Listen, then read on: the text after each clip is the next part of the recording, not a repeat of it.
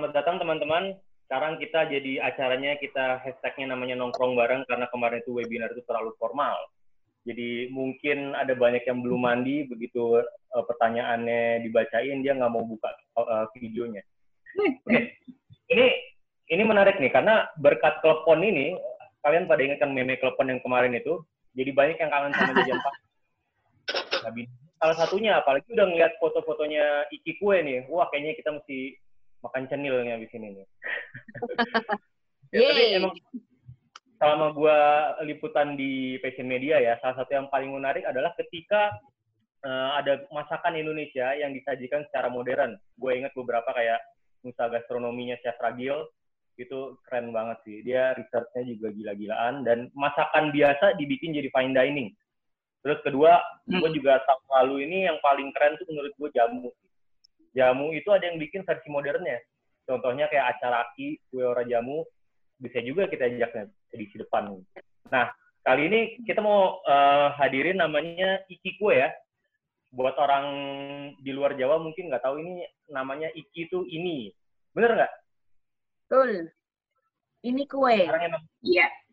Lagi tren pakai nama-nama yang Jawa gitu, kayak kopi, tuku gitu. Nah, ini juga kita hadirkan uh, Iki Kue karena menurut kita um, salah satu jajan pasar yang menarik karena owner-ownernya masih muda, seumuran seumuran kita ya kira-kira ya. Dan presentasinya modern nih. Hmm. Nah, kita mau tahu lagi tentang bisnis tentang jajanan pasar, um, apa peluang dan tantangannya, terus semoga kalian bisa dapat pengetahuan dan inspirasi ya, terutama buat ini kalau gue lihat tadi banyak yang kalangan pengusaha baru nih mungkin mereka pingin tips-tips kalau misalkan usaha jajan pasar itu gimana sih. Itu juga salah satu target market utama kita sih. Ya. Oke, kita mulai aja sekarang. Ini bisa diceritain nggak awal berdirinya sama konsep dan model bisnisnya Ukikue itu gimana sih? Siapa yang mau jawab? Silahkan. Uh, aku deh yang jawab deh ini. Hmm. Jadi Ikikue itu sebenarnya dimulainya itu tahun akhir tahun 2015 itu pertama kali aku meeting ketemu sama Lala, Laura. Jadi kita tuh sebenarnya bukan teman, bukan saudara, um, memang jodoh aja nggak tahu gimana. Yang ya buat yang mau punya pacar kalau jodoh bisa ketemu juga nggak tahu gimana caranya. Jadi nggak um, sengaja kita ketemu, lalu um, waktu itu Laura bawa kue gitu dan aku waktu itu lagi diundang ke acara pesta, terus ketemu uh, kue ini. Terus aku tanya sama yang sama yang yang undang pesta, ini siapa nih yang bikin gitu. Terus di info, oh ini si Laura gitu. Oh oke okay, oke, okay. ya kapan deh ajakin ketemu gitu.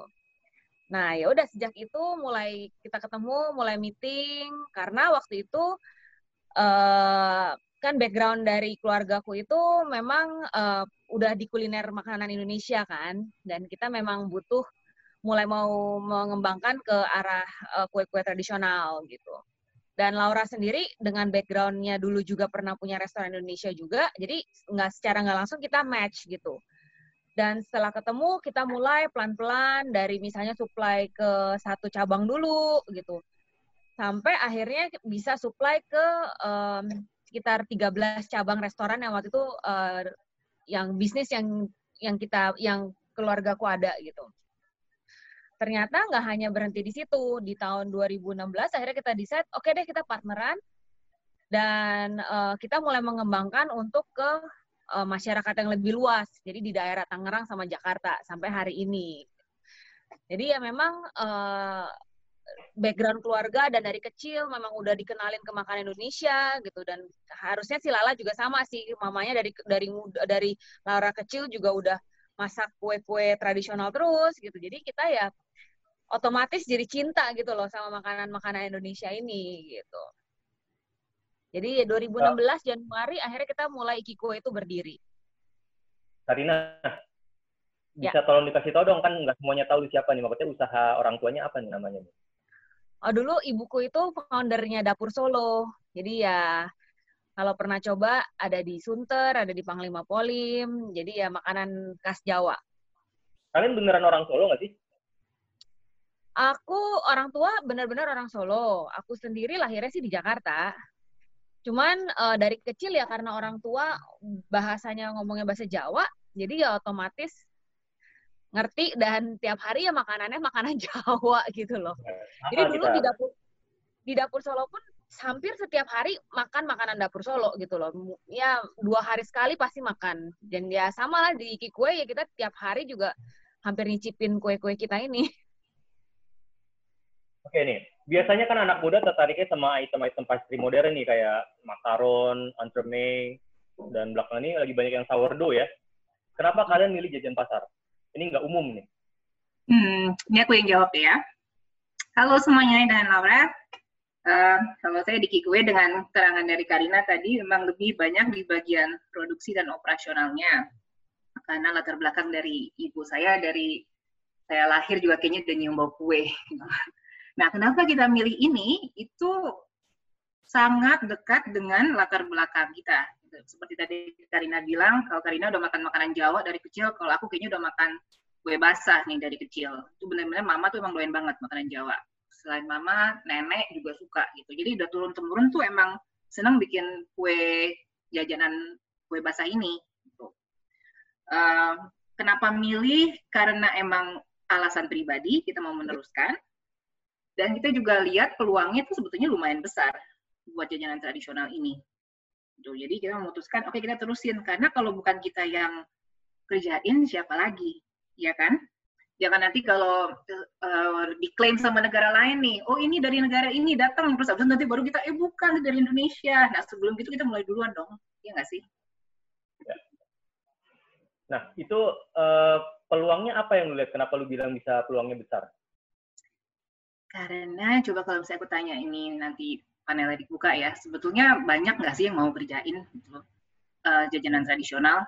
Karena kadang-kadang uh, mundur duluan karena jajanan tradisional kita itu dekat sekali dengan keluarga kita. Kita buat jajanan tradisional di rumah masing-masing, ya kan? Kita ngeliatnya kalau nggak di pasar, makanya kadang-kadang dibuat dibilangnya jajanan pasar. Kalau nggak kita buat di rumah, buat kita makan sendiri. Dan tiap keluarga itu punya seleranya masing-masing.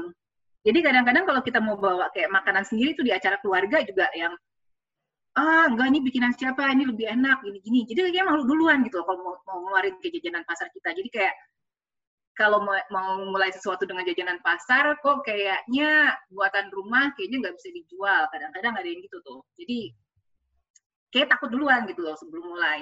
Tapi ya kenapa enggak? Justru karena nggak lama-lama nggak ada yang mau kerjain ya mesti ada yang kerjain. Kalau nggak lama-lama hilang ya kan? Dan karena jarang yang mau kerjain ya berarti peluangnya besar untuk jajanan pasar ini dan sebenarnya marketnya sendiri secara bisnis sangat besar. Kenapa? Karena ya penduduk Indonesia itu kita ada 270 juta orang kan gitu. Dan itu market yang sangat besar sekali gitu.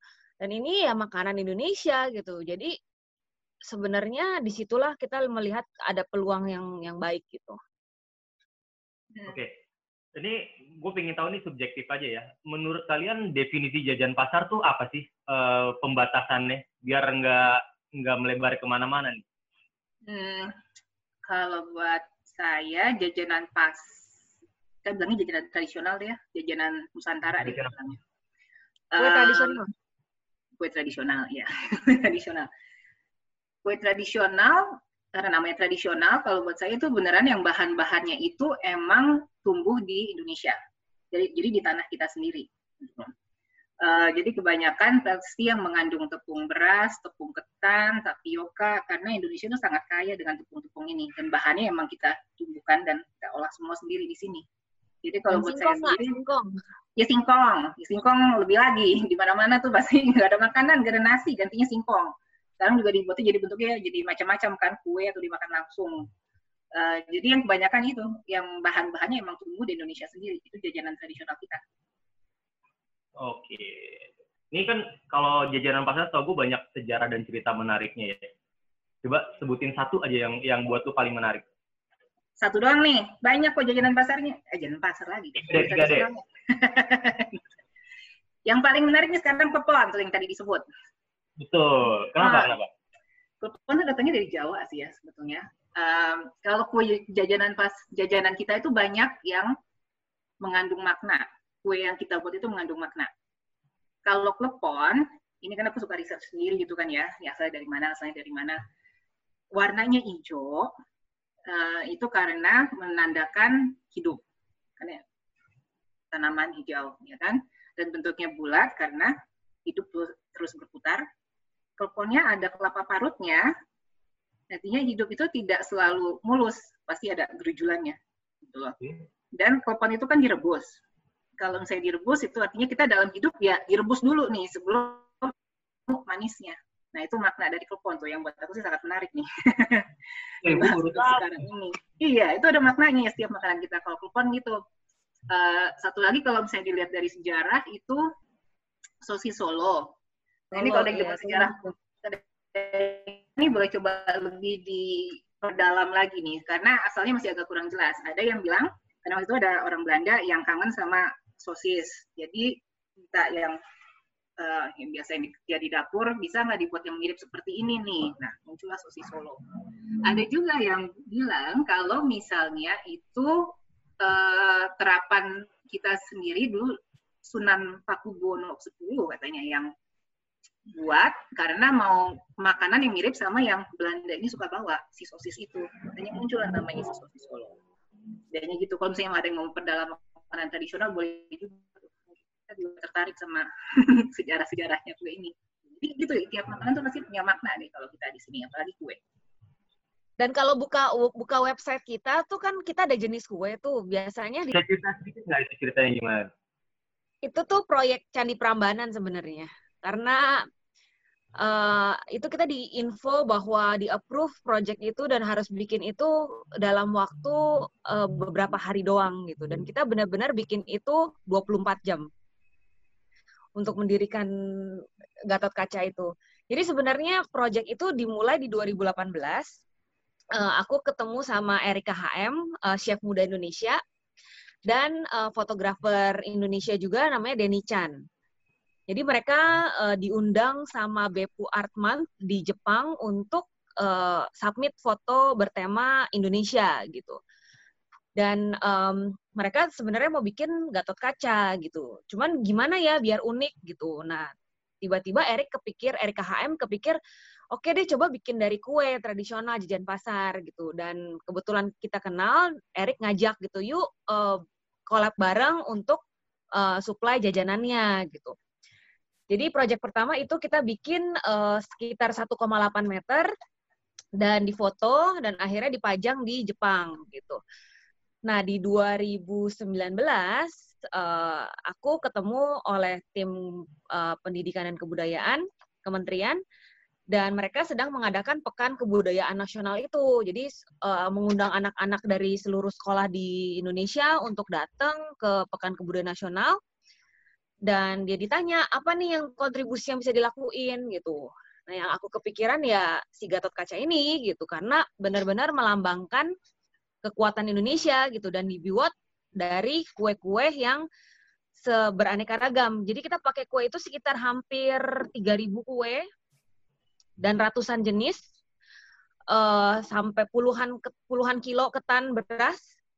Tapi uh, kue ini kita bentuk nya aja sih yang kita miripin. Jadi kita nggak benar-benar pakai misalnya daging gitu loh, karena kan eh, buang-buang makanan dan mahal juga gitu. Jadi benar-benar yang bentuk luarnya kita bikin se semirip mungkin sama kue-kue tradisional Indonesia. Dan akhirnya kita decide uh, gimana nih ya biar bisa masuk muri gitu. Dan kita tanya kalau 5 meter sebenarnya itu agak project hampir hampir mustahil gitu karena mendirikan nempelin kue ke papan setinggi 5 meter itu kan sesuatu banget kan gitu akhirnya itu kolaborasi dan ya dengan bantuan ada tim-tim apa sipil juga termasuk ayahku gitu. Dan akhirnya kita bisa mendirikan itu berdiri tegak dan kuenya itu nggak jatuh gitu loh. Dan itu dipajang selama seminggu sih kemarin itu di pekan kebudayaan nasional gitu. Dan itu akhirnya kita, ya? Kita ya memang kita semprot pilok sih pasti ya kalau dan kita touch up juga jadi kalau udah ada yang mulai basi kita harus ganti gitu dan itu akhirnya kita dapat rekor muri untuk itu untuk Gatot Kaca kue ini. Nextnya mau bikin apa di besar nih abis ini? Nah. Sebenarnya kemarin itu kita sempat mau ada project uh, kita mau bikin kayak semacam tumpe, apa candi candi Borobudur gitu dari kue dan 3D gitu. Waktu itu sempat untuk acara di Prancis, cuman di Paris tapi tiba-tiba COVID gini jadinya gagal deh. ya semoga ke depannya. Oke, ini gue mau mewakili orang-orang ya. Salah satu kesulitan terbesar setahu gue nih, kalau usaha jajan pasar itu kan uh, shelf life-nya singkat banget kan ya. Kalian antisipasinya gimana sih? Apa emang begitu nature-nya? Iya, um, kuenya memang tidak tahan lama karena kue kita itu memang tidak pakai bahan pengawet, banyak mengandung kelapa jadi santan atau kelapa parut Uh, jadi paling lama ya satu hari itu. Kalau misalnya kita buat dari pagi, ya berarti sore atau malam, tergantung disimpannya itu gimana, pasti udah ada ada ada luasa. Sebetulnya sih ya, kalau misalnya mau uh, sedikit effort ditaruh, kalau misalnya mau makan besoknya, kita taruh di kulkas atau di chiller dan besoknya kita hangatkan lagi dengan dikukus itu masih bisa loh. Jadi kayak kue-kue lain, kalau misalnya kue cake gitu kan. Kadang-kadang kita nggak makan, kita taruh di kulkas, udah pasti rasanya bakalan beda sih. Dan emang kalau misalnya cake itu kan kita keluarin lagi, dia tunggu bentar, udah bisa dimakan. Kalau jajanan pasar, apa ya mau jajanan pasar mulu ya, kue tradisional, itu kalau misalnya kita masukkan kulkas, kita keluarkan lagi, uh, kita kukus sebentar, juga masih bisa. Jadi dimakan lagi. Jadi tergantung handle kuenya itu gimana juga. Kalau ditanya paling enak, memang kalau dimakannya fresh. Jadi hari itu juga, hari itu dibuat, ya udah dimakan kira-kira sebelum sore. Nah, uh, untuk kita di sini, itu pesanan itu dari pagi sampai sore, kadang malam. Shift kita tuh banyak. Uh, shiftnya itu sebelum corona itu 24 jam. Kalau sekarang kita agak kurangin ya. Jadi kan orangnya juga kerjanya kan nggak penuh-penuh banget nih. Dapur nah, produksi kita 24 jam. Iya shiftnya itu uh, saling timpa menimpa gitu. Jadi kalau misalnya yang ini belum selesai, udah ada orang lain lagi yang datang, terus abis itu udah ada orang lain lagi yang datang pas yang ini selesai. Karena emang bahan-bahannya itu ya mesti dijaga. Ada yang mesti direndam 6 jam, terus abis itu shift selanjutnya diinfoin nih, yang ini jam segini udah selesai direndam, baru bisa diproses. Jadi uh, kalau misalnya ada pesanan, itu juga kita selalu tanya, kalau misalnya ada yang pernah pesan ke kue nih, pasti pertanyaannya banyak. Mau dimakan jam berapa bu? Pak. Terus abis itu kalau misalnya mau diantar lagi kira-kira mau diantarnya jam berapa? Kita perlu tahu jamnya. Jadi kita tahu jam berapa kita juga mulai buat di sini. Kapan kita mulai goreng kapan kita mulai kukus. Jadi kita bisa mungkin kita dekati dengan waktu kue itu akan dikonsumsi. Jadi supaya untuk uh, customer juga bisa menikmatinya tuh yang saat-saat freshnya itu lebih lama Okay. Dan sebenarnya sih di suhu ya lah kayaknya yeah. kuncinya. Iya. Yeah. Uh, kayak ngukus dengan suhu yang panas banget itu. Ya kalau di luar aja misalnya baru dibikin kita buat subuh terus habis itu dibawa di backpack itu seharian sorenya udah pasti basi. Tapi kalau misalnya kita buat subuh nih ya taruh masuk uh, dalam kantor ya cuma ditaruh di ruangan AC terus sampai sore sore ke malam pun juga masih bisa dimakan. Di santan itu kita benar mesti jaga suhu. Suhu AC atau suhu ruangan lah. Kita suhu ruangan yang adem itu juga masih nggak apa-apa. Atau suhu AC ya bagus. Kuenya juga jadi nggak terlalu keras dan masih enak kalau misalnya dimakan. Tapi secara proses dan secara proses dan handling juga itu penting banget. Jadi sehigienitasnya gitu. Jadi um, minimize kepegang-pegang tangan gitu kue itu karena kan kalau udah kepegang tangan kan bakterinya otomatis berkembang kan gitu. Kenapa banyak kue itu cepat rusak gitu. Dan juga misalnya kayak ngukus kelapa gitu. Uh, kalau suhunya harus panas benar-benar panas gitu. Kalau suhu ngukusnya tuh nggak terlalu panas gampang basi juga kelapanya gitu. jadi ya hal-hal seperti itu penting banget sih untuk kue-kue tradisional ini. Ya karena suka ada ketakutan nih. Kalau misalnya kebanyakan kita suka nemuin kue tradisional itu kan emang di pasar nah di pasar oh ini siang kok saya beli udah basi karena ada kelapa parutnya orang paling takut kalau misalnya ada kelapa parutnya itu karena kalau misalnya dia di pasar, nah kebetulan jualannya di pasar kan, kuenya bawa beli kelapa, kelapanya fresh, itu beneran kelapa fresh yang dimakan. Sedangkan kalau misalnya mau tahan lama, itu kelapa ini tuh mesti dikukus dulu sampai tanak. Kukusnya juga mesti sampai tanak. Kalau kukusnya nggak tanak juga pasti basi. Kukusnya tuh mesti tanak, tahan lama dia. Yang simpan di kulkas, buat besoknya lagi juga masih nggak apa-apa sebetulnya. Jadi beneran dari cara penanganan kuenya, kita taruhnya juga di mana, uh, sebetulnya tuh gue ya lumayan tahan lama gitu loh, nggak benar-benar pendek seperti yang kadang-kadang orang pikir. Nah, pertanyaan gue ini kan kalau misalkan skala produksinya udah mulai lumayan besar nih, uh, kita kan mulai mulai pakai mesin ya. Tapi gue pertanyaan gue kalau buat buat kue tradisional ini emang ada mesinnya ya? Kan buat meminimalisi meminim, minimal pokoknya minimalisir, jangan minimalisir. uh, kue itu jawabannya iya dan enggak di sini mesin kita juga masih setengah manusia. Tapi memang ada beberapa kue itu yang kita selalu cari cara baru uh, supaya kita bisa memproduksi kue lebih cepat dan dalam skala yang besar. Kalau misalnya semua dibuat dengan tangan, itu pasti nggak keburu. Ya kan? Karena pesanannya itu kadang-kadang banyak dan dadakan. Jadi ada beberapa mesin, misalnya mesin steamer yang besar. Nah, itu kita bisa pakai itu untuk beberapa kue tertentu mixer yang besar. Ya, mixer yang besar. Itu oven juga pasti ada yang besar. Penggorengannya mesti banyak.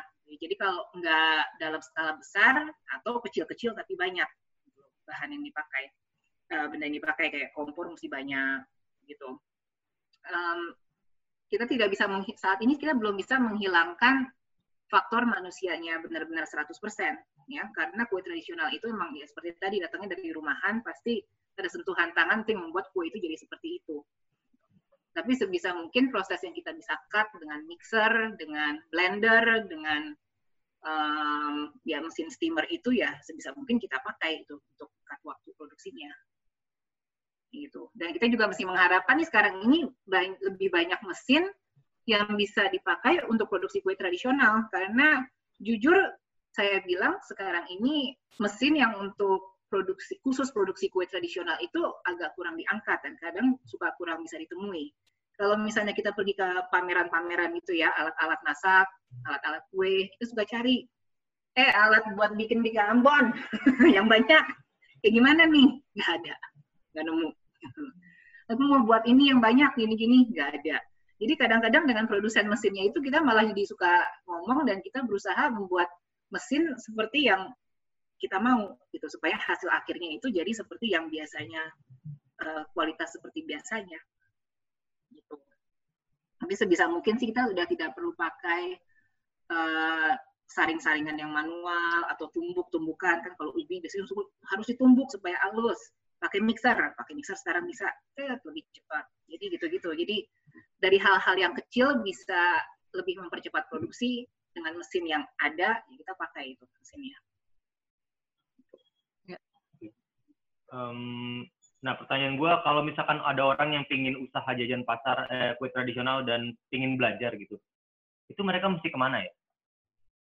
Uh, itu pertanyaan yang menarik juga buat saya nih. Coba saya mau tanya lagi ntar ke panelisnya. Pengen tahu deh, kalau misalnya di SMK sekarang ini Tata Boga, itu udah ada belum ya kurikulum uh, kue tradisional? Kayaknya kemarin kalau misalnya saya lihat itu makanan Nusantara ada, tapi masakan tapi kalau kue kayaknya masih kurang. Dan hmm. kemarin ini, ini pas kita baru mulai usaha nih, ini agak-agak sedih juga sih. Kita kan mulai usaha kan nyari orang, gitu kan. Uh, terus kan interview beberapa. Nah kita mau nih, eh, ini kamu mau nggak jadi mulai sama kita sekarang?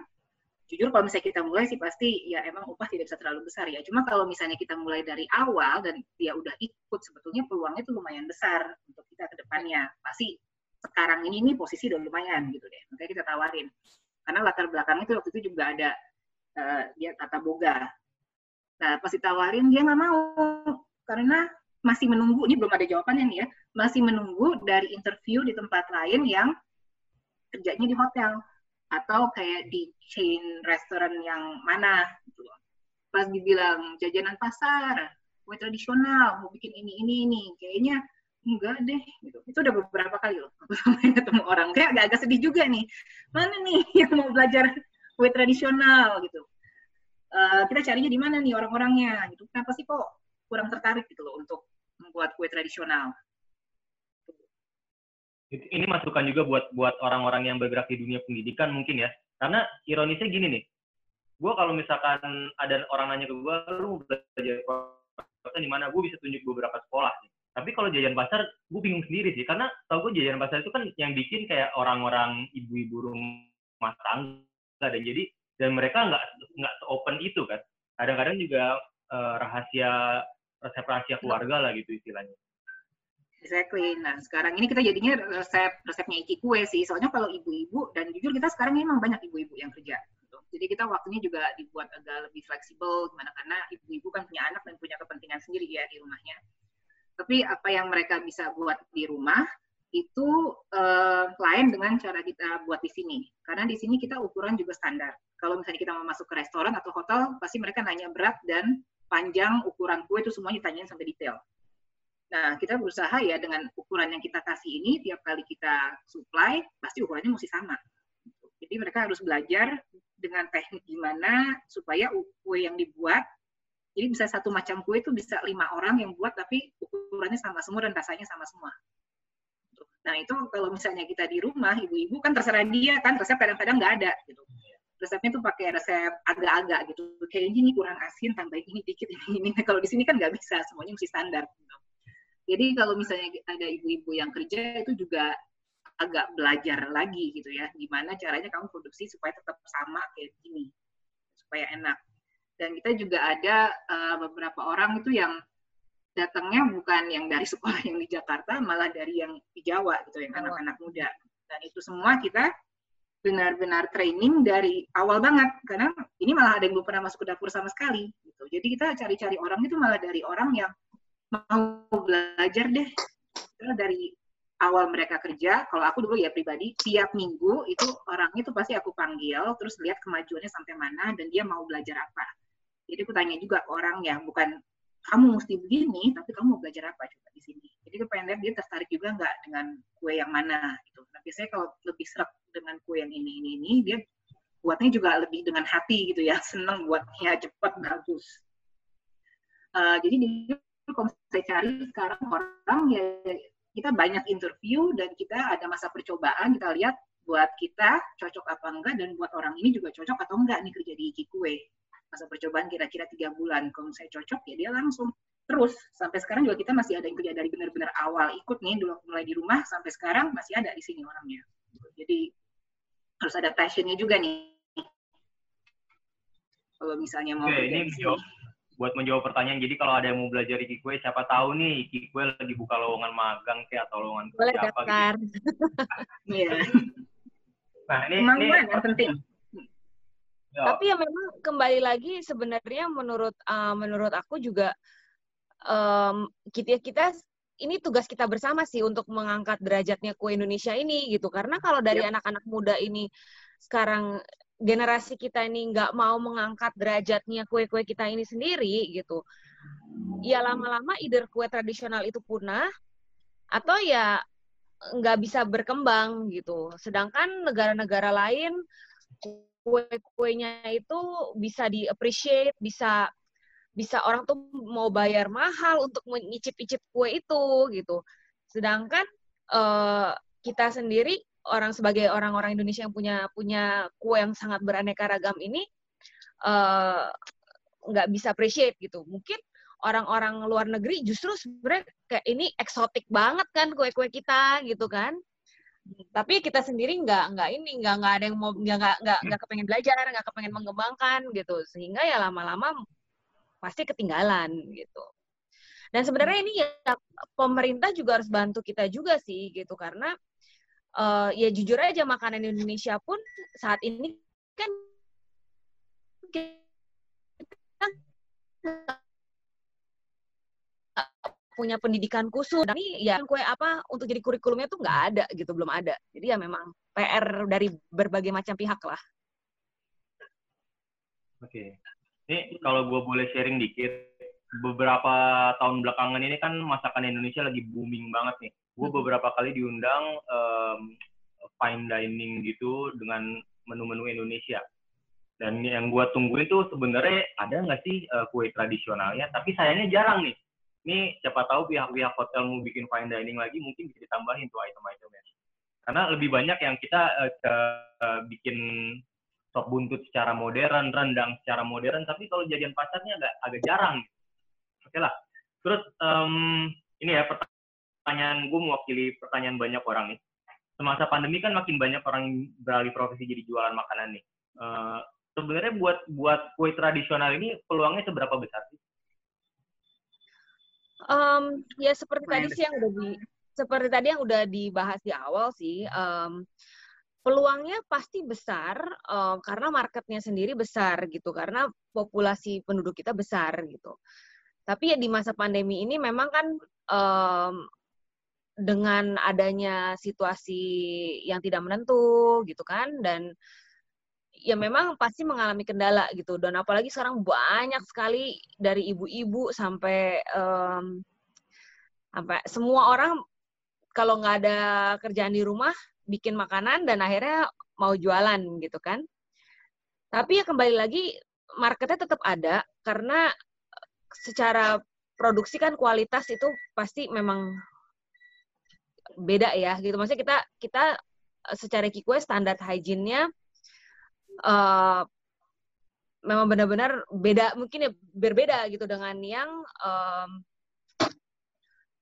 benar-benar yang rumahan sekali mungkin gitu dan um, dengan sebenarnya diangkatnya PSBB ini sebenarnya juga sudah mulai ad, ya sudah mulai bergerak lah gitu orang-orang uh, untuk memesan lagi gitu untuk order lagi gitu. jadi ya ya memang pasti mengalami challenge yang besar gitu tapi so far sih kita ya bertahan gitu bertahan hidup gitu. Jadi ya dengan promosi kerjasama dengan um, media dengan orang-orang lain gitu dan kadang kolaborasi gitu. Nah itu yang sangat penting sih saat ini kayaknya kolaborasi dengan sesama uh, pebisnis makanan juga gitu atau minuman dan masa corona ini kalau misalnya ada yang mau mulai di rumah itu sekarang ini cocok banget sih karena kan kita emang nggak bisa kumpul-kumpul di luar kan jadi kalau misalnya mau mulai dengan lokasi di rumah terus dikirim pesan dengan PO H-1, H-2, besoknya dikirim, udah bisa mulai nih. Apalagi dengan adanya Gojek, Grab itu lumayan membantu kan, bisa diambil dari lokasi terdekat. Di mana beli talam yang paling dekat, sini antar, bisa. Banyak yang nyari makanan loh sekarang ini.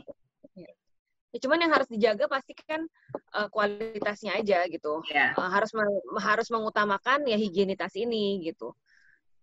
Karena kalau saat ini yang memang pasti nomor satu orang mencari yang yang jelas bersih dan bisa dipercaya lah gitu higienis ya. higienisnya. Ya dan dibantu dengan uh, penampilan di media juga ya karena kan orang melihat dari mana kalau nggak dari media sekarang ini nggak mungkin kan didatangin juga rumahnya kan.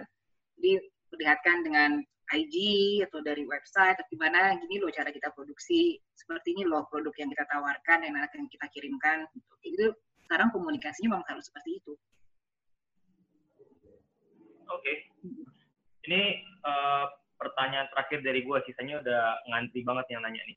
Uh, coba kalian kasih tips dong kalau misalkan orang-orang yang menjualan itu tipsnya gimana? Karena sekarang ini kan uh, yang lagi ngetren produk-produk yang sifatnya bisa dikirim dan frozen ya. Apakah uh, kue tradisional ini bisa di frozen?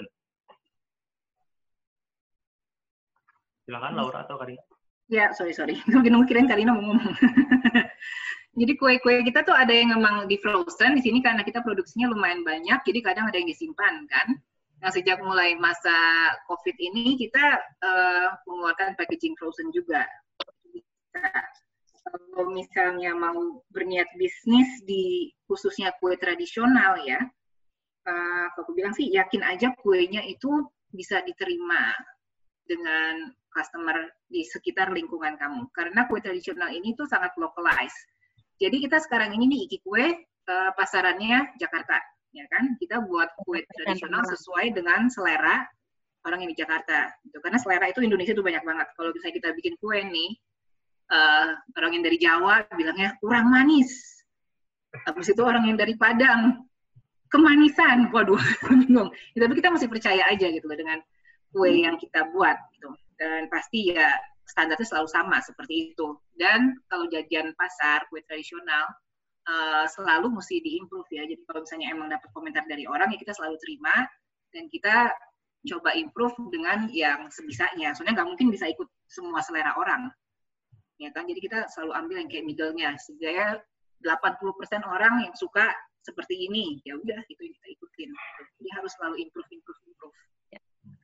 jadi kalau dari aku sendiri sih sebenarnya kalau untuk yang baru mau mulai usaha bisnis ya maksudnya makanan mau itu jajan pasar mau itu kue mau itu makanan gitu sebenarnya di zaman saat ini tuh yang paling penting itu ya sosial media dan digital media gitu karena itu ya nomor satu yang uh, apa alat yang paling murah saat ini dan paling efektif sebenarnya. Jadi memang Iki Kue sendiri pun kita mulai dari digital media, dari Instagram yang followernya benar-benar baru start itu kita masih di ratusan sampai sekarang sudah puluhan ribu. Itu memang dari digital media gitu. Dan yang terutama uh, kalau kita jual produk, kalau taste itu kan selera rasa uh, ya tergantung selera orang ya gitu.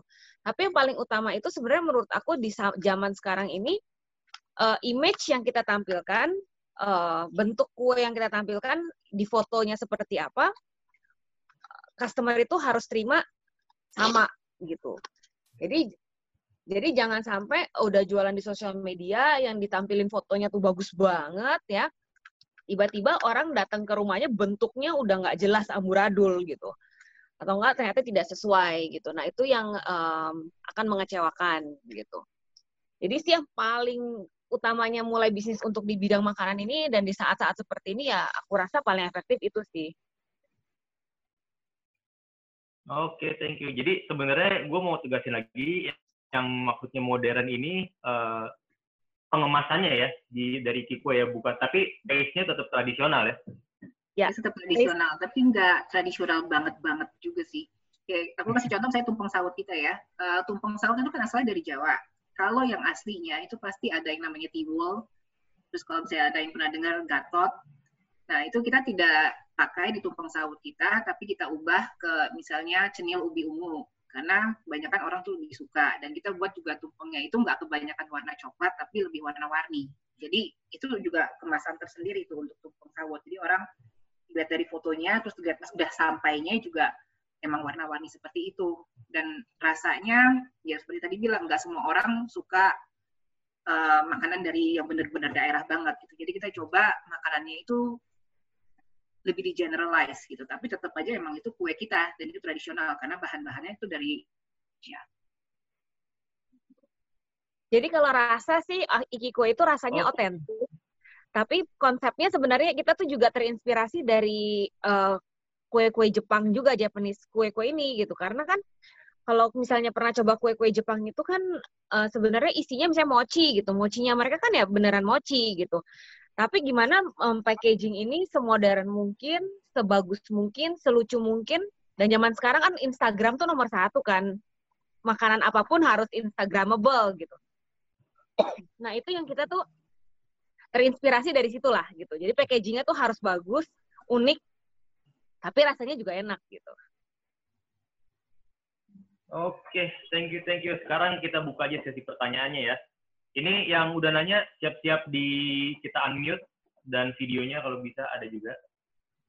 Pertanyaan pertama nih yang menarik nih dari Diah Nimpuno. Diah Nimpuno ada? Tapi kita unmute dulu. Tanyanya ada sih, tapi lebih enak dia yang bacain aja.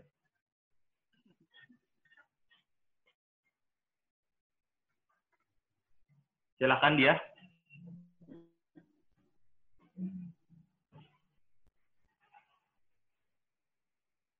Dari dia Kayaknya lagi kue sih dia. Kalau kalau di decline gue bacain aja. Hmm. Gimana? Ada?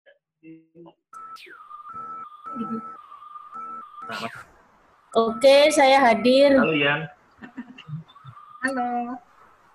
Selamat sore, terima kasih atas penjelasannya. Tapi saya nggak pakai kamera. Halo, ya, ya nggak apa-apa, silahkan. Iya, tadi saya kan nanya uh, waktu mulai pertama usaha dulu itu, uh, uh, langsung banyak variasi atau beberapa variasi hanya beberapa variasi saja dulu waktu dulu pertama kali memulai usaha itu langsung maksudnya langsung di launch banyak variasi atau hanya Itu lalu bertahap bertambah-tambah gitu. Itu aja pertanyaan saya. Terima kasih. Oke. Ya, thank you. Jadi ini kan kue tradisional kan banyak banget jumlahnya nih. Apakah kalau kita starting itu langsung banyak itu kayaknya susah ya? Kalian mulai start berapa dulu nih? Kita mulai jenis kuenya nggak banyak ya lah pertama kali. Uh, Kurang dari lumayan 10 kan udah ngikutin itu waktu itu permintaan kue-kuenya. Tapi awal-awal kurang dari 10 jenis sih jenis kue. Iya. Kita sampai menemukan yang benar-benar bisa em, dikembangkan, bisa diproduksi secara massal. Itu awal-awal 10 kue sih kita di, eh, coba coba em, pakai gitu. lima asin lima manis. Ya, lima asin, lima manis, dan variasi variasi tampah dan nampan itu baru ada sekitar satu atau dua variasi gitu. Itu di tahun-tahun pertama tuh. Dan biasanya kita sejak itu tiap 3 sampai 6 bulan baru nambah terus tuh variasinya. Makin ke sini makin nambah lagi variasinya. Dan kan Jadi makin ya- banyak ya makin banyak customer, akhirnya makin banyak bisa nggak bikin kue ini, bisa nggak bikin kue itu, atau nggak eh, kue ini bisa nggak dibentuknya seperti ini sampai dibikin waktu itu ada minta wajib bentuknya YouTube gitu, pokoknya ya hal-hal seperti itulah. Iya, Mhm. jadi waktu itu minta lambangnya YouTube lah gitu dari YouTube Indonesia. Jadi saut. Heeh.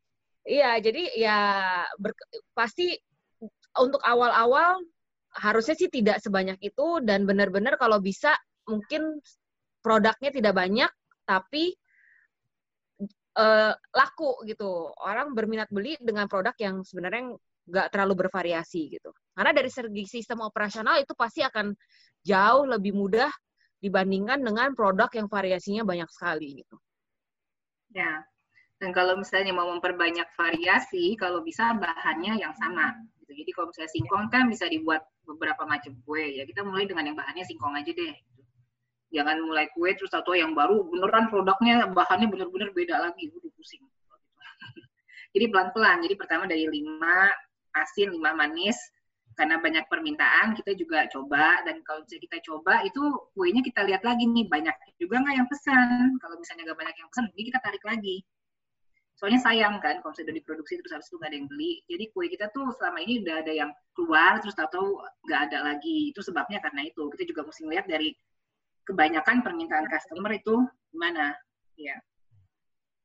Makin ke sini makin banyak. Tadi Edwin juga nanya, sekarang ada berapa macam kue? Nah, kita juga mesti ngitung lagi. Terakhir ada kue apa lagi? Sekarang Gitu ya. kuenya hampir 40 ya kuenya tap dan dari kue 40 Ada yang besar, ada ini yang kan kecil. ya dan bentuknya itu bisa bermacam-macam Eh, kita package-nya ditampah, dinampan, di di box gitu. Nah, itu sekitar 20 20 jenis sih variasi. Ya.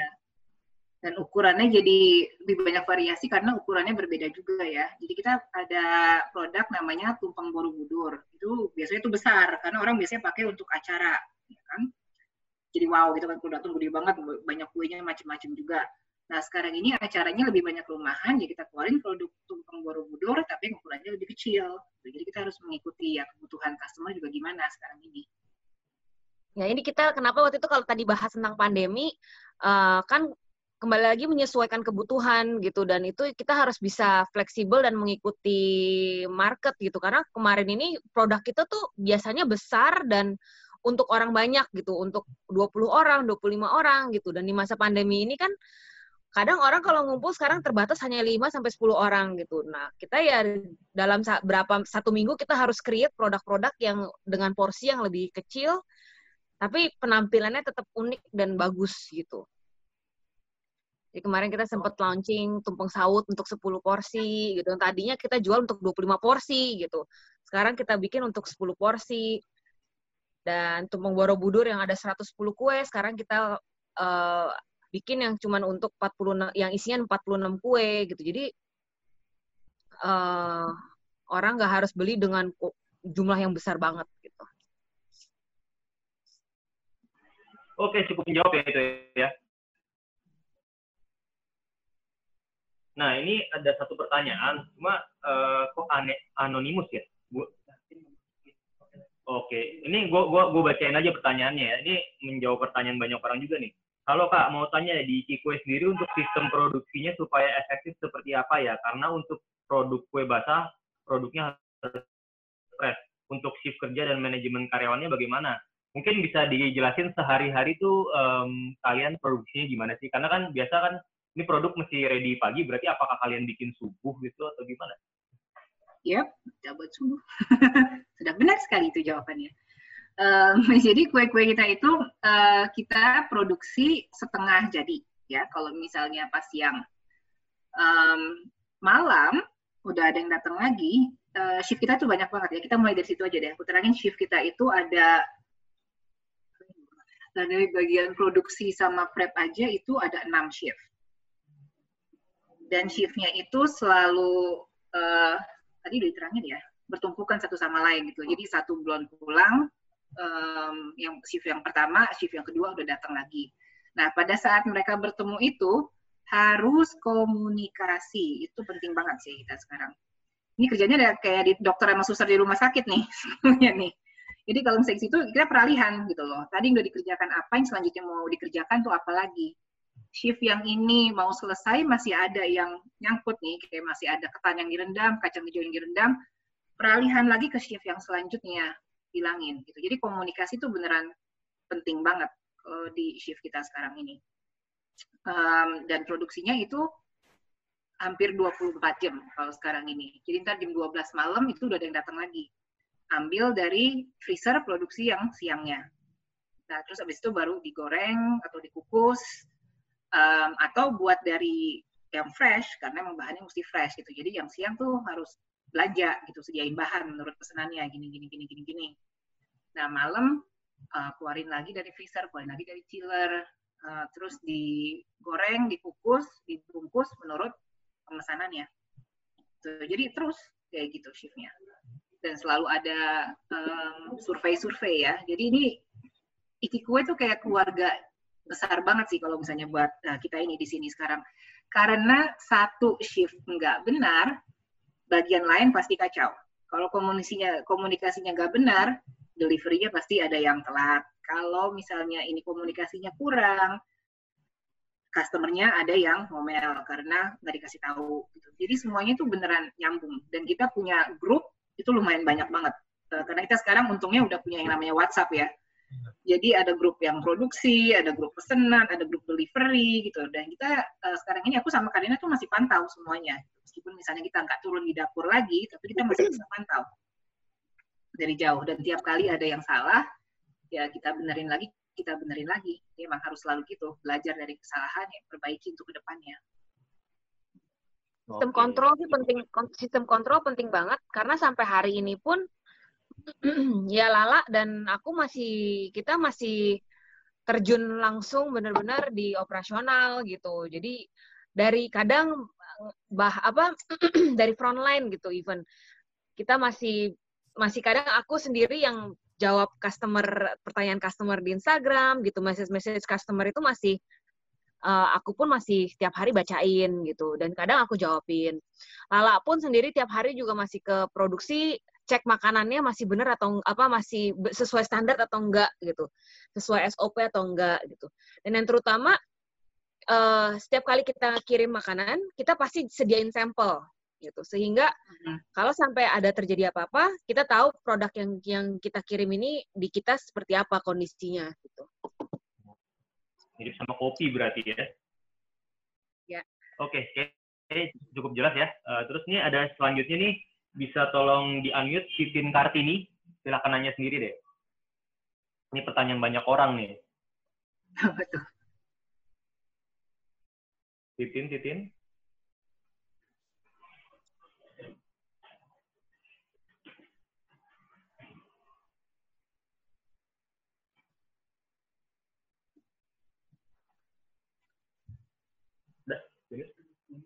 Oh, udah udah kita ajuin buat langit silahkan di, di okein gitu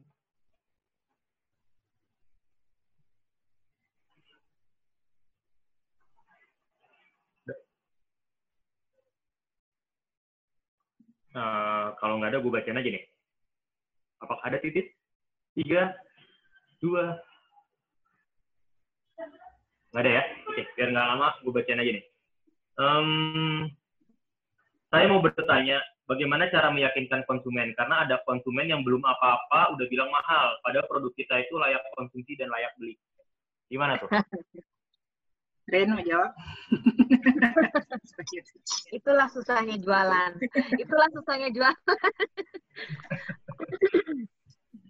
Tapi ya memang pertama uh, kita harus percaya sama produk kita sendiri sih gitu. Kita harus pede sama apa yang kita jual gitu. Uh, ya semua produk sebenarnya akan selalu ada orang yang bilang aduh ini mahal banget gitu. Tapi ya kembali lagi kita kan percaya produk kita ini produk yang bagus, produk yang berkualitas gitu. Kalau saya tetap confident, maksudnya saya juga nggak, kita juga nggak mau gitu loh. Misalnya uh, kita udah menentukan standar seperti ini, harga seperti ini, dan kadang ada orang tuh nawar yang keterlaluan gitu, kita terpaksa tolak gitu. Karena ya memang uh, kita tidak bisa memenuhi permintaan semua orang gitu. Ya, kemarin sih kita kemarin baru kita komplain ya lah ya. Mm-hmm. baru kita bahas nih gitu uh, ada orderan lumayan besar gitu lalu uh, tanya ke kita langsung komennya mahal banget gitu akhirnya kita karena orderannya besar kita mau coba kasih special price tapi tetap kita nggak mengalahkan harga yang mereka dapat tuh bisa murah sekali gitu kue-kue ini dan kadang kita sampai bingung sendiri gimana ya bikinnya ya bisa sampai semurah itu gitu tapi ya kembali lagi uh, kita harus percaya diri dan ya yang kita jual ini produknya dengan apa yang customer terima ini harus harus benar-benar sama gitu. Dan yang paling penting kalau bisa dapat testimonial orang-orang gitu dan survei dari orang-orang gitu. Karena uh, kunci utama keberhasilan suatu bisnis itu biasanya nomor satu tetap word of mouth gitu. Orang rekomendasiin produk kita ke orang lain gitu. Jadi uh, kalau bisa dapat testimonial gitu dan itu bisa di post di Instagramnya, di sosial medianya, itu akan sangat membantu banget gitu. Dan di Instagramnya Iki Kue banyak artis-artis tuh ya? Nah, menariknya ya, semua artis, so, kadang orang nanya gitu ke kita, ini berapa sih bayar artis-artis ini? Kan pasti mahal banget ya, gitu budget marketingnya. Jujur aja sampai hari ini kita nggak ada yang ya kita nggak nggak bayar gitu. Memang mereka kita komunikasi dengan mereka dan kita benar-benar ngajak ngobrol mereka tulus bahwa kita punya produk seperti ini, kualitasnya seperti ini, boleh nggak support kita gitu untuk bantu melestarikan kue tradisional ini gitu. Dan senang banget artis-artis ini ternyata tuh benar-benar baik dan support kita gitu loh. Jadi ya ya bersyukur juga sih gitu. Ternyata masih banyak banget figur public figure di Indonesia itu yang peduli gitu.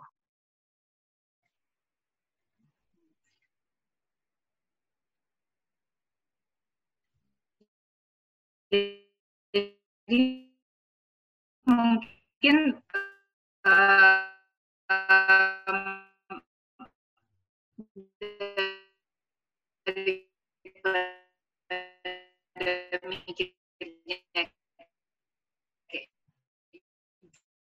jualan aja kayak juga di bawah kemajaran kita emang harus ada lalu.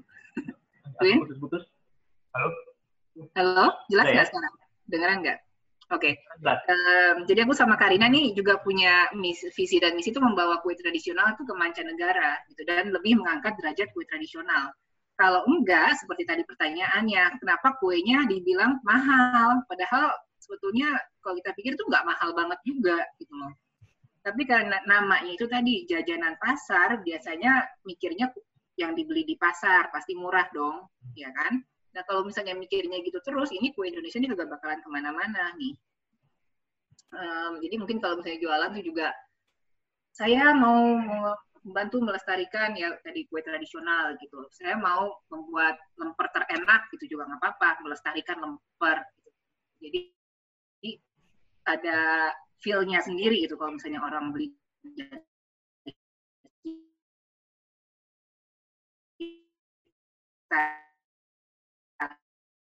dan memang mahalnya emang benar bagus. Karena bahan yang kita pakai itu uh, yang menentukan kue kita tuh rasanya seperti apa dan orang pasti tadi kita baru terima survei itu rasa tidak bohong. Itu customernya bilang. Karena dia udah makan kue kita dan dia percaya oke okay, dia bayar segini dan itu puas gitu loh. Jadi dengan harga segitu ya pas gitu. kalau misalnya ditawar-tawar lagi ya seperti tadi Karina bilang kadang juga akhirnya kita bilang enggak. Karena kita tahu kualitas kue kita sendiri kalau misalnya kita murahin, berarti kan kita mesti cari bahan yang lebih murah dong. Jadi kayak jati dirinya tuh hilang gitu. Jangan kalau misalnya emang kamu uh, memang effort untuk cari bahan yang bagus dan memang cara penanganan kuenya udah bagus dan kamu percaya kue itu emang worth worth it itu dijual dengan harga segitu, konsisten aja kayak gitu. Pasti lama-lama orang coba, orang coba, kalau dia percaya dia bakalan balik lagi. Kalau misalnya emang enggak, ya nggak bakalan balik lagi orangnya. Ini gitu karena orang Indonesia kan memang uh, sangat ini ya kritikal sekali juga gitu dengan makanan. Tapi kalau misalnya dia percaya ya dia balik lagi pasti. Ya. biarkan produk berbicara berarti ya? Iya. Oke, ini ada pertanyaan tapi anonimus nih jadi mending gue bacain aja Gimana atur cara pengiriman? Apakah memiliki kurir sendiri? Karena menggunakan gosen dan lain-lain pasti sering penyok kuenya. Kalau kue tampah di antar mobil, apakah customernya nggak keberatan membayar? Gimana tuh pengirimannya? Hmm. Untuk saat ini kita memang punya armada delivery sendiri, tapi kita juga tetap ada yang ambil pakai Gojek sama Gosen. Tetap sih. Um, jadi Gosen kalau misalnya ke sini, kalau misalnya ada gosen yang pernah datang ke sini pasti udah ketemu ini pemiliknya di bawel banget nih. Jadi kita emang mesti terangin juga gitu loh ke gosen ke grabnya pak bawanya mesti begini. Ya kita tuh udah jelasin gitu. Ini di bagian dalam kita sudah lapisi dengan kertas ini supaya kuenya gini dan ini bapak mesti bawanya kayak begini supaya sampai sana masih bagus gitu. Uh, dan delivery kita atau uh, customer service kita juga udah kita pesenin kalau saya nggak ada, saya lagi nggak ngeliatin ya kamu juga mesti bisa gitu bilangin. Jadi semuanya itu diajarin kalau misalnya ada yang ambil, mesti dijelasin dulu bahwa itu mesti begini loh. Dan uh, juga kalau misalnya CS terima ada yang mau ambil pakai Grab atau Gojek, uh, tanya bawaannya apa yang dipesan itu mobil atau motor. Kita sampai sedetail itu biasanya nanya dan mesti ngingetin ke customernya juga karena kadang juga ada yang mau misalnya ya murah gitu kan pakai motor yang dibawa tumpeng gede ya nggak bisa kan? Dihilangin lagi gitu uh, customer. Jadi dari kitanya juga kalau misalnya mau pakai Gojek atau mau pakai Grab ya dari kitanya juga mesti benar gitu kasih tahu itu bawanya gimana sama kita memang punya armada sendiri karena kita mau pasti kuenya itu sampai di customer itu jam segini gitu ya. Nah, tapi yang mau mau pakai armada delivery kita memang harus cepat mesennya karena kalau misalnya udah full kita nggak terima lagi. Jadi kita sehari dua kali itu uh, ada beberapa armada kita yang keliling Jakarta. Jadi itu yang sudah di plan H-1. Jadi semua orderan Ikiko itu H-1 sebelum jam 5 sore. Jadi masuk. ketika kita tutup orderan, itu nah tim kita itu gerak untuk planning antrannya itu besok seperti apa gitu. Jadi hmm. satu armada kita itu bisa keliling Jakarta bisa sampai 5 6 tempat gitu, tergantung orderan masuknya berapa gitu. Kita memang saat ini sih memang masih prefer armada sendiri ya lah dibandingin Gojek sama ini ya. Tapi hmm. nggak hmm. banyak juga nggak nggak sedikit juga gitu yang uh, kita menggunakan jasa Grab dan Gojek ini gitu. Cuman ya itu belajar dari pengalaman. Jadi dulu awal-awal kita jual kue nampan, kita ya kuenya kita jajarin gitu aja gitu dan mepet kita pakai Gojek sampai di customer itu kue bentuknya udah amburadul acak aduk nggak jelas gitu. Nah dari situ kita belajar akhirnya di kue kue nampan itu kita kasih penyangga gitu. Jadi biar kuenya tuh gimana bener-bener nggak bergerak gitu, anti anti anti getaran gitu. Jadi uh, ada shock breakernya gitu kuenya. Sehingga sampai sekarang ya uh, ya lama-lama kita tahu gitu gimana kalau mengakalinya gitu. Kalau misalnya ada Gojek yang nganter, kita udah tahu harus di di posisinya seperti apa gitu kue-kuenya. Ya, jadi delivery kita kan juga udah lumayan ahli nih sekarang. Ya, pertama kan kita yang ngajarin. Nah, sekarang delivery-nya juga bisa ngajarin Gojek-Gojeknya gitu. Kalau saya datang, Pak, pokoknya begini, gitu kan. Oke, okay. thank you. Ini cukup menjelaskan. Terus, um, Ini ada pertanyaan dari Teresa Marshall, baca benar ya. Silahkan Teresa, kita mau unmute.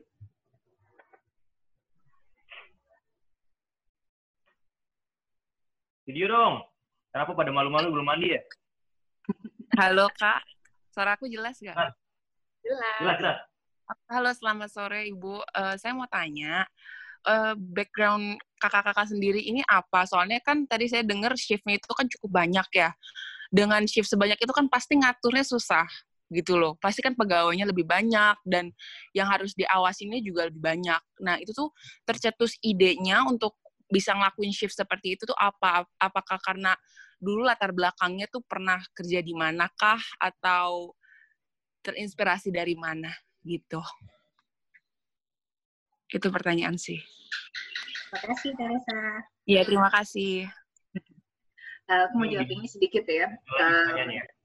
jadi kalau latar belakang tadi udah agak disebut di depan, kalau dari segi kue itu, kalau saya dari lahir itu memang udah lihat mama sama nenek punya keluarga itu pasti suka bikin kue. Nah, kalau Karina kan dari latar belakang uh, restoran, makanan tradisional. Nah, kalau saya nih sekarang ini memang harus berterima berterima kasih sekali kepada ibu saya, mama saya, karena dia itu memang sangat membantu untuk mengajarkan saya dan dan Karina bisa mengembangkan sampai sebesar ini. Jadi uh, kalau latar belakang saya itu belajarnya dulu strategic management. Jadi aku tuh lebih kayak ke um, consulting sebetulnya. Gitu. Jadi yang oke okay, ini gimana ngaturnya, ini gimana ngaturnya manajemen gitu kan. Uh, kalau mama itu dulunya suster dan dia suka buat kue. Nah, shift kita ini itu diambil dari cara kerjanya dia dulu. Karena dia dulu kerja di rumah sakit, nah dia shift kan, dan shiftnya juga 24 jam tuh. Jadi ini kerjaan gue udah kayak kerjaan dokter sama suster nih, 24 jam bener-bener. Malam juga ada, siang ada, sore ada, pokoknya selalu ada gitu. Uh, dan kita juga um, diajarkan untuk cara menghandle kue ini supaya tahan lama ya harus jaga suhu dan yang ini kita ajarkan lagi ke orang-orang.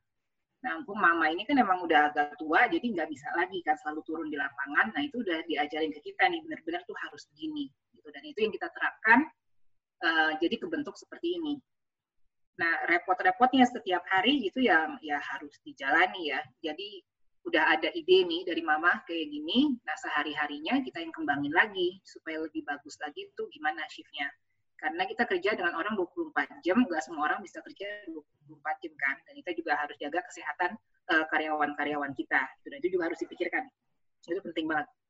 Nah, jadi kalau misalnya dia kerjanya misalnya hari ini uh, udah jam 3, besoknya kita nggak bakalan minta dia masuk misalnya jam 3 sampai jam 12 siang selesai, terus uh, jam 3 sore udah mulai lagi, nggak mungkin. Nah, kita tuh jadwal itu sangat dipegang erat juga sama um, saya sendiri. Nah sekarang ini baru nih, baru saya serahin ke orang lain. Dan buat jadwalnya itu yang lumayan ketat juga kita pikirkan. Kalau seminggu ini dia udah kerja pagi, minggu depannya kita kasih dia kerja siang. Kalau misalnya dia udah kerja siang, kita coba putar yang ke sore gitu, yang agak-agak manusiawi gitu kerjanya. Nggak bisa paksa orang juga mesti gini-gini-gini. Kalau misalnya termasa emang ada pesanan banyak, ya kita biasanya tanya dulu ke orangnya, kamu sanggup nggak? Ini bantu kita jam segini masuk. Ya, nanti besok kita atur lagi jadwalnya gimana. Jadi uh, jadwal itu kita buat seminggu sebelumnya dan kalau bisa nggak diubah karena orang kan punya rencana hidup juga setiap hari kan mesti ngapain mesti ngapain jadi kita sebisa mungkin jadwal itu ya sacred gitu kalau bisa ya kayak gini aja dan itu minggu depannya juga kita atur dan kita atur lagi kalau ada perubahan selalu kita komunikasikan ke karyawan-karyawan di sini gitu. jadi mereka juga ngerasa kan nggak cuma kayak disuruh-suruh nih jadwal kayak gini gini kerja aja gitu tapi kita juga komunikasi dengan mereka yang enaknya itu gimana gitu mereka kerjanya dan nomor satu sih kuncinya juga kita bangun tim, bangun tim yang kuat sih gitu. Karena nggak mungkin semuanya bisa kita jalanin sendiri kan gitu. Nggak mungkin uh, Lala dari pagi sampai malam ngeliatin terus. Atau nggak saya ngeliatin terus itu perputaran operasional gimana. Jadi kembali lagi bangun tim sih yang solid, uh, yang bisa kita percaya, yang bisa mengerti gitu loh apa yang sudah kita tentukan bisa dilaksanakan. Dan tipsnya nggak gampang. Jadi memang ini proses yang sangat berat yang menjadi menjadi apa ya maksudnya ya sumber daya manusia ini kan menjadi problem juga kan gitu kendala juga uh, apa kebanyakan tapi ya lama-lama kalau dijalanin dan kita udah tahu celahnya, kita udah tahu tipe-tipe orangnya, kita udah tahu tim kita tuh kira-kira seperti ini, nah itu butuh waktu dan proses gitu. Sampai ini akhirnya bisa rodanya jalan gitu. Jadi kita okay. tuh orang itu emang proses banget, jadi kita selalu lihat, terus kita bangun, kita lihat, kita bangun, emang harus gitu terus. Ya, jadi kita nggak bisa, maksudnya gini, nggak bisa kadang ngasih tips harus jalanin ini ya. Kalau jalanin ini pasti bisa berhasil sistemnya gitu. Karena kan kembali lagi ya butuh proses gitu dan kadang uh, setiap usaha kan bentuk tempatnya seperti apa, mesin yang dipakai seperti apa, orang yang diterima seperti apa itu kan akan bervariasi dan berbeda-beda gitu. Jadi yang akan bisa mengerti benar-benar proses operasional kalian ya yang menjalankan sendiri ini. Iya. Gitu. Oh iya benar. Dan kita berdua ini memang udah pernah menjalanin ya. Jadi kita buat uh, schedule di mana kita juga udah pernah ngerjain schedule itu. Jadi yang kerja ini juga udah pernah melihat kita kerja di jam itu. Yang jam segini mesti gini, ini ngerjainnya gini. Jadi kita juga mesti kasih contoh. Uh, kalau misalnya lagi gini, kamu peralihannya gimana? Kalau kayak gini, kamu kerjainnya gimana? Gitu. Karena nggak semua orang tuh juga cuma dibilangin doang ngerti. Emang mesti melihat gitu, kerjanya itu gimana. Jadi kita nih Lala sendiri yang ya kadang aku kita jam jam satu pagi, jam 4 pagi gitu datang ke tempat produksi, kita kontrol, kita cek, kita kasih lihat mereka gitu bahwa kita juga jalanin ini bareng-bareng mereka gitu. Ini pertanyaan dari gue nih. Kalau ini kan si Karina nih di New Zealand nih. Orang kalau udah berani ninggalin bisnisnya ke luar negeri itu berarti manajemennya udah rapi nih. Lu uh, kontrol ini gimana sih? Bisa bisa remote gitu. Makanya setiap hari ya kan beruntung ada ada Laura dan uh, tim di Indonesia juga gitu. Tapi ya karena gini pembagian pembagian kerja kita secara partner dari awal sudah jelas sebenarnya gitu. Jadi memang uh, Lala kan handle operasional gitu dan aku kan handle lebih ke sales dan marketingnya gitu. Jadi uh, nah ini pembagian tugas yang jelas banget dalam hal partnership ini sangat sangat penting gitu. Sehingga ya pokoknya kita saling percaya gitu. Kalau udah urusan opera eh, urusan marketing urusan sales urusan customer gitu itu semua tanggung jawabnya tanggung jawab aku gitu. Dan ya sementara dengan era digital ini kan memang semua bisa dijalanin lewat digital gitu. Tapi ya komunikasi sama Lala dalam hal apa pun setiap hari ini tetap jalan gitu. Jadi kadang WA-an lebih sering ngobrol sama Lala daripada sama suami kadang gitu. Jadi tiap menit, tiap menit kita WA, chat itu selalu aktif gitu. Jadi ya jarang ada yang kalau chat itu bisa sampai lama dibales ya. Itu biasanya udah langsung harus di diprioritasin. Dia lagi, dia ya. lagi berdasarkan pengalaman ini usaha banyak yang bubar bukan karena rugi ini karena ownernya saling berantem aja nih. Jadi pembagiannya mesti jelas emang ya. Hmm. Oke, okay, ini uh, pertanyaan berikutnya dari Heni Junaidi. Silahkan Heni. Ini pertanyaannya kayaknya buat Karina nih. Heni? Ada Heni? Oke. Okay. Halo. Halo. Tadi saya nanya. Halo. Halo. Halo. Kedengeran nggak? Ya, Ibu. Kedengeran, kedengeran. Ah, oke. Okay. Saya mau nanya, itu kalau kita jualan jajanan pasar itu kan, uh, saya sih hopeless ya, jujur. Saya itu pernah belajar sama mamanya Karina, Tante Swan. Saya pernah belajar bikin kue sama mamanya zaman dulu lah ya udah lama banget. Saya kue jajanan pasar itu saya hopeless dari sisi umur yang gak tahan lama dan ngerjainnya ribet karena harus bangun subuh dan harganya nggak bisa dijual tinggi gitu hmm. Benar-benar nggak bisa karena umur kuenya juga kan nggak nggak lama gitu kan. Saya mau tanya kalau untuk kalian yang udah uh, besar bisnisnya gitu, uh, untuk jaga jaga freshnya itu selain manajemen waktu gitu, apa memang ada skill khusus untuk uh, siasatin istilahnya bahannya gitu atau apa gitu? Karena kan umurnya nggak nggak lama kan jajanan pasar itu kan umurnya nggak lama. Udah itu aja. Oke. Udah itu aja ya Bu Heni ya. Thank you, thank you. Ya, Ini ya. Mungkin kalau misalkan gue boleh bantu jawab di sini kan karena si Ikiko ini sistemnya PO ya. Kalau nggak salah sehari sebelumnya kan mesti Ya, itu. H-1. Ya. Ya. Hmm. Wah, anjingnya siapa tuh? Mau gue yang jawabin atau gimana? Silakan. Silakan. Ya, kalau dari kalau sorry kak, aku sih jawab dari segi PO-nya. Memang benar itu PO-nya H-1 sebelum jam 5 sore gitu. Kita terima orderan itu. Em, tapi kalau menurut aku sih secara proses eh, ada bahan-bahan tertentu yang bisa di, di pre-pack dan itu bisa disimpan dulu gitu. Baik itu di chiller maupun di freezer gitu. Jadi nggak nggak semuanya itu harus dilakukan secara bersamaan ya lah ya. Hmm. Em, kuenya itu emang tidak tahan lama, tadi kan seperti sudah disebutkan sebelumnya. Nah, kita itu emang harus jaga waktu. Kalau misalnya mau cari cara lain dari selain nggak jaga suhu dan nggak jaga waktu, eh, jujur saya sendiri juga belum pernah nemu ini. Tapi dengan apa yang kita lakukan selama ini, kue kita itu hampir nggak pernah basi sih. Sampai emang kalau misalnya waktunya udah ditentukan emang mesti basi, ya basi gitu. Itu, itu emang udah normal. Eh, tapi seperti tadi karena shiftnya itu banyak, jadi kalau misalnya kita tanya ke customer mau dikonsumsi jam berapa, em, itu beneran kita ikutin. Jadi misalnya mau dikonsumsi jam 10, ya kita nggak bakalan kukus atau goreng jauh-jauh dari itu. Itu gunanya kita tanya ke customer, tadi nanti mau dimakannya jam berapa, ya. Em, dan perkiraan itu biasanya dia bilang jam 10, kita udah mikir kayaknya bakal dimakan jam 12 nih, kalau ada acara, nggak mungkin bener-bener jam 10. Gitu. Jadi itu juga udah kita pikirkan di sininya. Iya, ini jadi mau dimakan jam segini, pasti jam segini deh kita baru mulai supaya aman. Dan dijaga, emang suhunya itu harus dijaga. Itu kita tuh bawel banget di situnya. Sama karyawan di sini juga udah bawel banget gitu. Kalau misalnya lihat, loh ini makanan kenapa ditaruh di sini? Ini kan nanti diantarnya jam segini, dimakan jam segini. Taruh di ruangan AC. Jadi kita emang kantor kita di sini tuh sampai nggak pernah kayak kantor gitu. Kantor pasti ada kuenya di situ karena kita emang taruh kue di store dulu di situ sebelum misalnya dapat giliran untuk dikirimin atau diambil sama customer. Karena kita emang harus jaga suhu seperti itu supaya kuenya tahan lama. Tapi kalau misalnya mau kuenya itu bisa dijual lagi besoknya,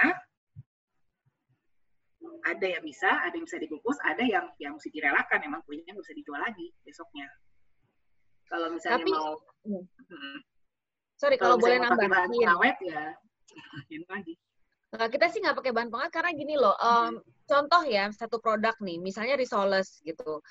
Em, kita tuh bisa kayak mengak- kita harus pintar ngakalin juga gitu. Kayak misalnya yang bahan-bahan apa sih yang bikin gampang basi? Nah itu yang kita coba eliminate dan kita ganti dengan produk dengan produk isian lain gitu. Mis- Contoh lah misalnya risoles.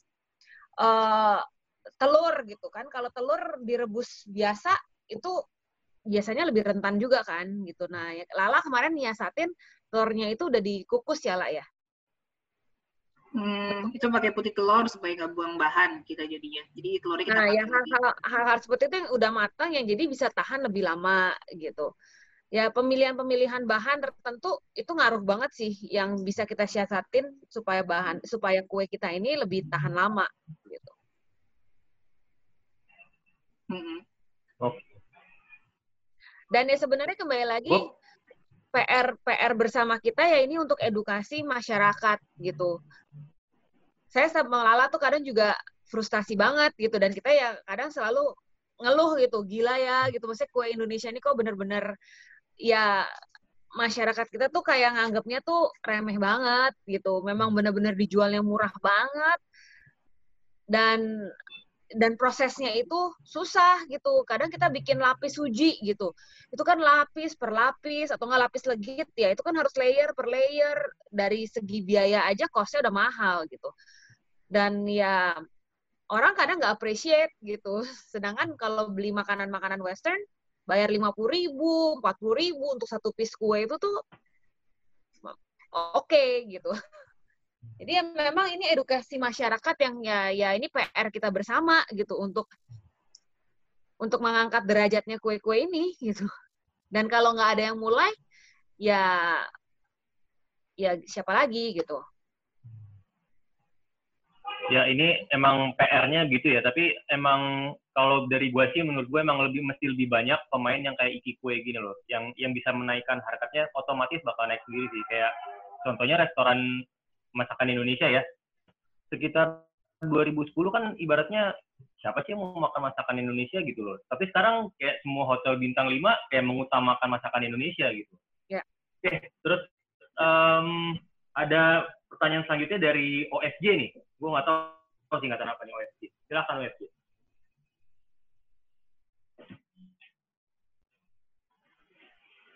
O Opera Panjava kah? Atau siapa ini? Ini siapa nama ini kayaknya. OSJ? Hadir?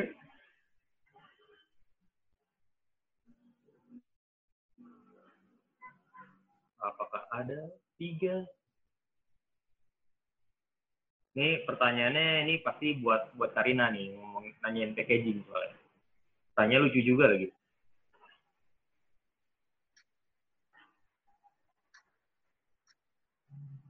Nggak nggak respon ya? Oke, gue bacain aja nih. Mohon bertanya, selain merubah packagingnya, apakah dengan merubah bentuk kue basahnya tersebut boleh dianggap modern? Misal kue klepon yang bentuknya bulat diganti menjadi bentuk Doraemon. Isi tetap sama, apakah ini boleh dianggap modern? Gimana? Boleh-boleh, sebenarnya boleh-boleh aja gitu. Tapi ya kalau klepon di dibentukin Doraemon, co cocoknya namanya kue Doraemon, bukan kue klepon. Jadi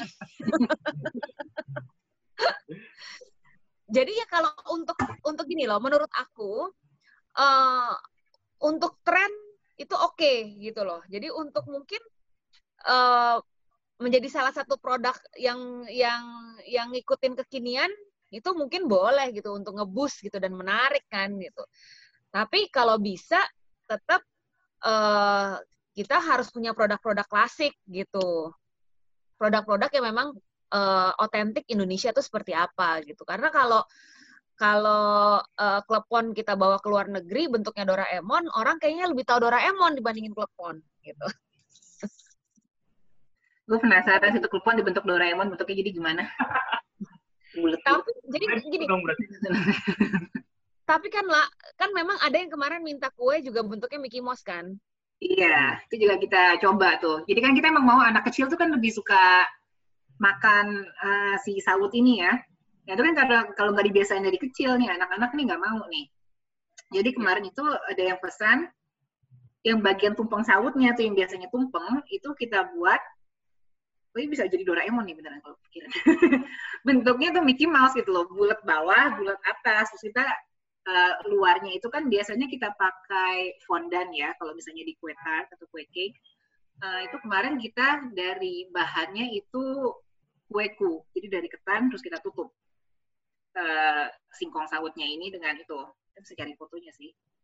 Nah itu bilang sih emang jadi lebih ya modern modern apa sih definisinya tapi ke, lebih kekinian kali ya jadi juga ya, lebih banyak yang tertarik gitu mau nyoba uh, kue tumpeng sawutnya. Nah itu untuk ulang tahun anak kecil kan menarik tuh. Anak kecil tuh seneng banget lihat udah warna ini ada warna ini gitu loh. Jadi mereka mau gitu makan kue tradisionalnya. Kalau misalnya bisa kayak gitu ya kenapa enggak?